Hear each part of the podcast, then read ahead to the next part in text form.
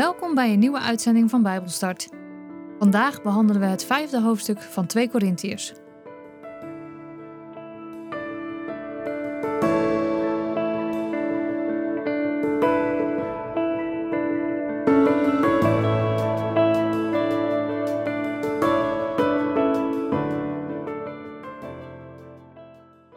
Ik lees uit de basisbijbel 2 Korintiërs 5. Want we weten dat we maar tijdelijk in dit lichaam wonen. Net zoals je maar tijdelijk woont in een tent. Die aardse tent, ons lichaam, zal op een dag worden afgebroken. Maar daarna geeft God ons in de hemel een eeuwig huis, dat niet door mensen is gemaakt, ons hemelse lichaam. En we verlangen er heel erg naar om dat hemelse lichaam als een stel nieuwe kleren aan te trekken. Want we willen niet een geest zonder lichaam zijn Zolang we nog in dit aardse lichaam wonen, hebben we veel te lijden. Toch verlangen we er niet naar zonder lichaam te leven, maar we verlangen ernaar in een beter lichaam te wonen. We willen graag ons nieuwe hemelse lichaam aantrekken. Want dan wordt het sterfelijke, de tijdelijke tent, ons lichaam, vervangen door het leven, het eeuwige huis, ons hemelse lichaam. Dat is waar God ons voor heeft gemaakt. Daarvoor heeft Hij ons ook zijn geest gegeven. Want de geest is de voorproef en het bewijs van wat nog zal komen. Daarom zijn we altijd vol goede moed. Zolang we in dit lichaam wonen, wonen we niet bij de Heer. We geloven in Hem, maar we zien Hem nog niet. We leven met Hem vanuit geloof, niet vanuit wat we zien. Maar we zijn vol goede moed en we kijken er naar uit om ons lichaam te verlaten en bij de Heer te gaan wonen. Daarom doen we altijd ons uiterste best, zodat Hij tevreden over ons zal zijn. Het maakt daarbij niet uit of we hier in dit lichaam wonen of bij de Heer wonen. Want op een dag zal Christus over ons allemaal recht spreken. Hij zal precies weten hoe we zijn. Dan zal iedereen krijgen wat hij heeft verdiend met de goede of slechte dingen die hij tijdens zijn leven op aarde heeft gedaan omdat we diep ontzag voor God hebben, proberen we de mensen te laten zien dat ze in Jezus moeten gaan geloven. God weet dat dit mijn enige doel is, en ik hoop dat jullie dat ook weten. Ik zeg dit niet om bij jullie over onszelf op te scheppen, maar we willen dat jullie trots op ons kunnen zijn. Dan kunnen jullie over ons opscheppen bij de mensen die zo graag geweldig gevonden willen worden, maar die van binnen, in hun hart, helemaal niet zo geweldig zijn. Als we zo vol van de geest zijn dat we dingen doen die de mensen vreemd vinden, dan doen we dat voor God. En als we gewoon zijn, dan zijn we dat voor jullie. Het gaat dus nooit om onszelf. Want alles wat we doen, doen we vanuit de liefde van Christus. Want we hebben begrepen dat één mens is gestorven voor alle mensen. Dat betekent dat in hem eigenlijk iedereen dood is. Hij stierf voor iedereen, met de bedoeling dat de mensen niet meer voor zichzelf zouden leven. De bedoeling is dat ze zullen leven voor Jezus, die in hun plaats is gestorven en die door God weer levend is gemaakt. Daarom moeten we dus niemand meer beoordelen naar wat we aan de buitenkant van hem zien. Ik had vroeger ook mijn eigen mening over Christus, maar ik weet nu dat ik hem verkeerd had beoordeeld. Want ieder mens die één geworden is met Christus, is door God helemaal nieuw gemaakt de oude mens is verdwenen. Er is een hele nieuwe mens ontstaan. En dat is Gods werk. Hij heeft door Jezus Christus de mensen vergeving gegeven. En hij heeft ons de taak gegeven ervoor te zorgen dat de mensen dat weten. God heeft door Christus de mensen vergeven dat ze ongehoorzaam aan hem waren. Nu zijn ze vrijgesproken van schuld. En hij heeft ons de taak gegeven om dit aan de mensen te vertellen. Want daardoor kunnen ze vrienden van God worden. We zijn dus door Christus gestuurd. Zo moedigt God jullie als het ware zelf aan door ons heen. Dus namens Hem smeken we jullie: zorg ervoor dat jullie vrienden van God worden. God heeft alle ongehoorzaamheid van alle mensen op Jezus gelegd. Aan het kruis droeg Jezus onze straf. Maar hij is zelf nooit ongehoorzaam aan God geweest. Zo kon hij ons bevrijden van onze ongehoorzaamheid en daarmee ook van Gods straf.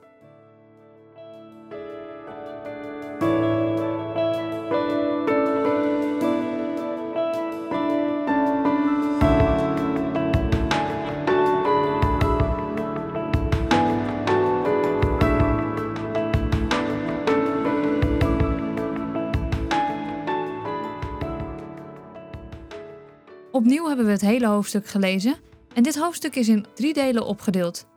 Boven de eerste alinea staat verlangen om bij de Heer te wonen. Boven de tweede staat Paulus doet alles vanuit de liefde van God. En boven de derde staat door het geloof worden we nieuwe mensen. Ik wil ze alle drie proberen te behandelen vandaag. Ook in dit hoofdstuk is het op te maken dat het één lange brief is. Het eerste woord wat Paulus gebruikt in deze vertaling is namelijk het woordje want. Want we weten dat we maar tijdelijk in dit lichaam wonen. Grieken geloofden niet in de lichamelijke opstanding uit de dood. De meesten zagen het hiernamaals als iets van de ziel. De ziel wordt beschouwd als de echte persoon die gevangen was in het fysieke lichaam. De dood betekende daarom bevrijding van de ziel. Het lichaam was niet onsterfelijk, maar de ziel leeft voort in eeuwigheid. De Bijbel leert ons juist dat ziel en lichaam onafscheidelijk zijn van elkaar. De gemeente van Korinthe bevindt zich te midden van de Griekse cultuur en daarom konden veel gelovige mensen maar moeilijk aannemen dat ook het lichaam zou opstaan uit de dood. En dat hebben we ook al behandeld in 1 Corinthians 15, vers 46 tot en met 58. Paulus beschrijft daar met veel meer details over het opstandingslichaam. En hij legt uit dat we in dat opstandingslichaam nog steeds onze eigen persoonlijkheid hebben en onze eigen individualiteit. Maar dat we dankzij Jezus' werk een beter lichaam hebben dan dat we ons ooit kunnen voorstellen. De Bijbel is er niet heel duidelijk over hoe ons opstandingslichaam eruit zal zien. Maar aan de hand van Filippenzen 3 weten we dat het volmaakt zal zijn zonder ziekte of andere kwalen. Maar hoe weten we dat nou zeker? Nou, door de Heilige Geest. Dat is onze verzekering dat God ons een splinternieuw, eeuwig lichaam zal geven bij de opstanding. De eeuwigheid woont namelijk in ons. En door dat te weten, kan het ons veel moed en geduld geven om alle moeilijkheden te doorstaan. Want op die manier is de dood niet meer zo angstaanjagend, zoals voor heel veel andere mensen.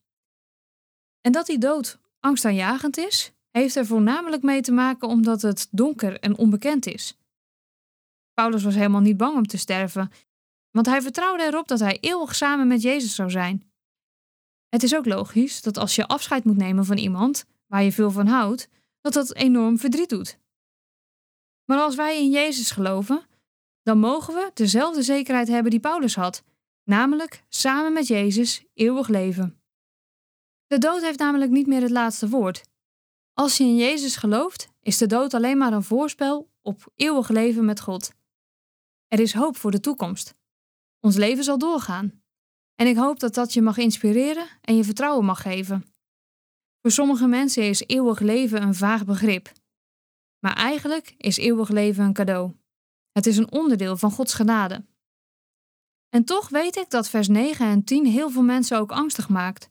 Want op een dag zal Christus over ons allemaal recht spreken. Hij zal precies weten hoe we zijn.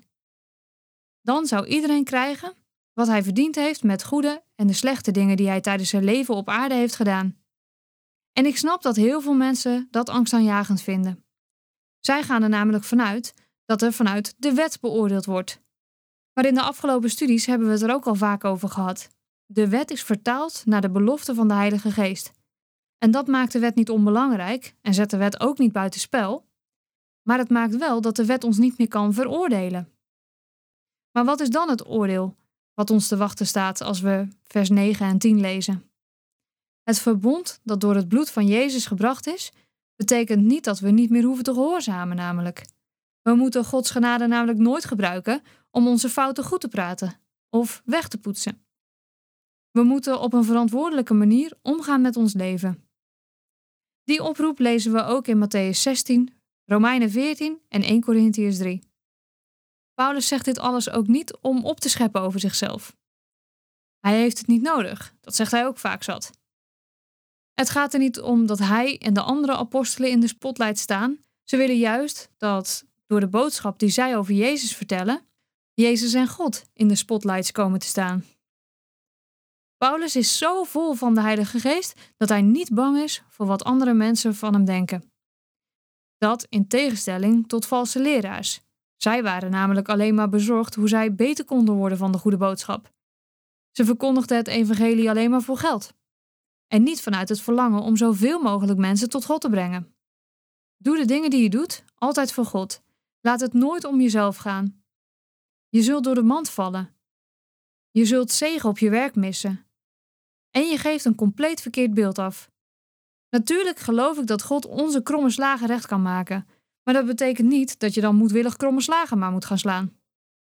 Boven de laatste alinea waar Paulus het over heeft, is gezet: Door het geloof worden we nieuwe mensen.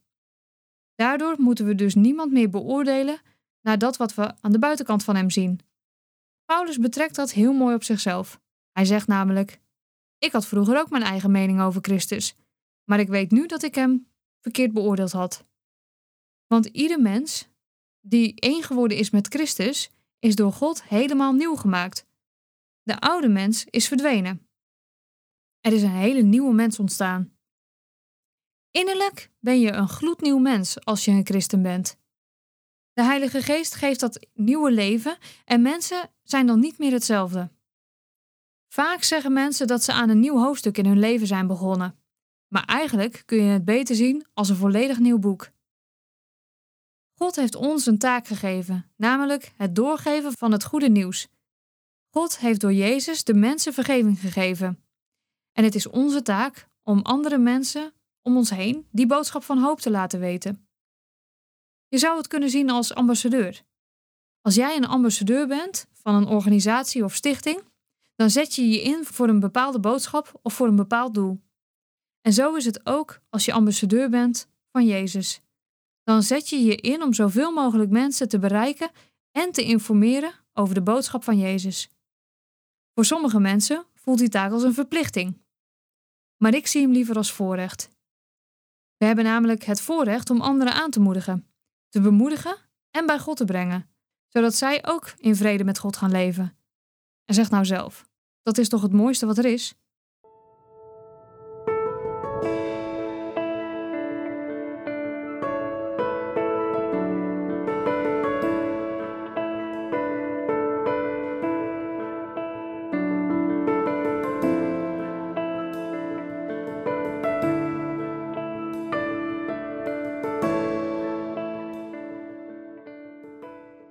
Dit was Bijbelstart, een programma van TWR.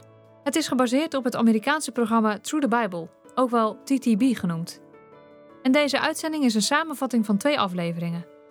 Wil je meer weten? Ga dan naar ttb.org of ga naar twr.nl/bijbelstart.